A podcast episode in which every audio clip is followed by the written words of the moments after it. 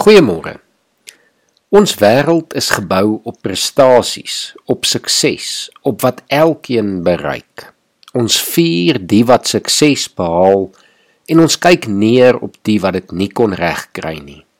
Dit gebeur elke dag van ons lewe. Die wat wen word geprys, word op die voorblad van die koerante geplaas en word as helde voorgehou, terwyl die wat nie wen nie, of wie dit nie gemaak het nie, word of van vergeet of word sommer afgekraak. Die mensdom hou nie van verloor nie. Hou nie van mislukking nie. Ons wil sukses behaal en ons wil daarvoor geprys word.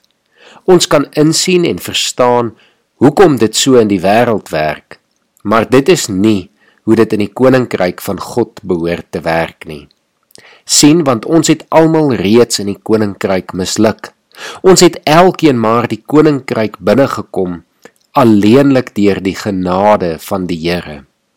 Daarom het ons niks om as ons eie sukses of prestasies voor te hou nie. Niemand kan ons prys en sê mooi, jy het dit reg gekry nie. Hierdie word baie mooi verduidelik in 1 Korintiërs vanaf vers 26 tot 31 en ek lees dit vir ons voor. Dink maar net broers aan wat julle was toe julle geroep is. Volgens die opvatting van mense was daar nie baie geleerdes of baie invloedrykes of baie mense van aansien onder julle nie. En tog wat vir die wêreld onsin is, het God uitgekies om die geleerdes te beskaam wat vir die wêreld swak is, het God uitgekies om die sterkes te beskaam. En wat vir die wêreld sonder aansien of betekenis is, ja wat niks is nie, het God uitgekies om wat iets is tot niet te maak. Voor God het geen mens dus iets om op te roem nie. Aan God is dit te danke dat jy met Christus Jesus verenig is. Hy het vir ons geword die wysheid wat van God kom die vryspraak, die heiliging en die verlossing. Daarom soos daar geskrywe staan: Die wat wil roem, moet in die Here roem.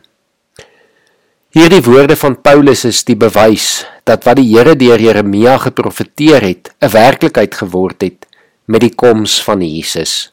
Jeremia 9 vers 23 en 24 sê: So sê die Here: Die wyse man moet nie in sy wysheid roem nie, die soldaat nie in sy eie krag nie, die ryk man nie in sy rykdom nie.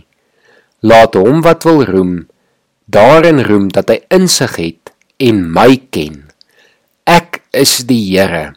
Ek bewys liefde, reg en geregtigheid op die aarde, want dit is wat ek wil hê, sê die Here.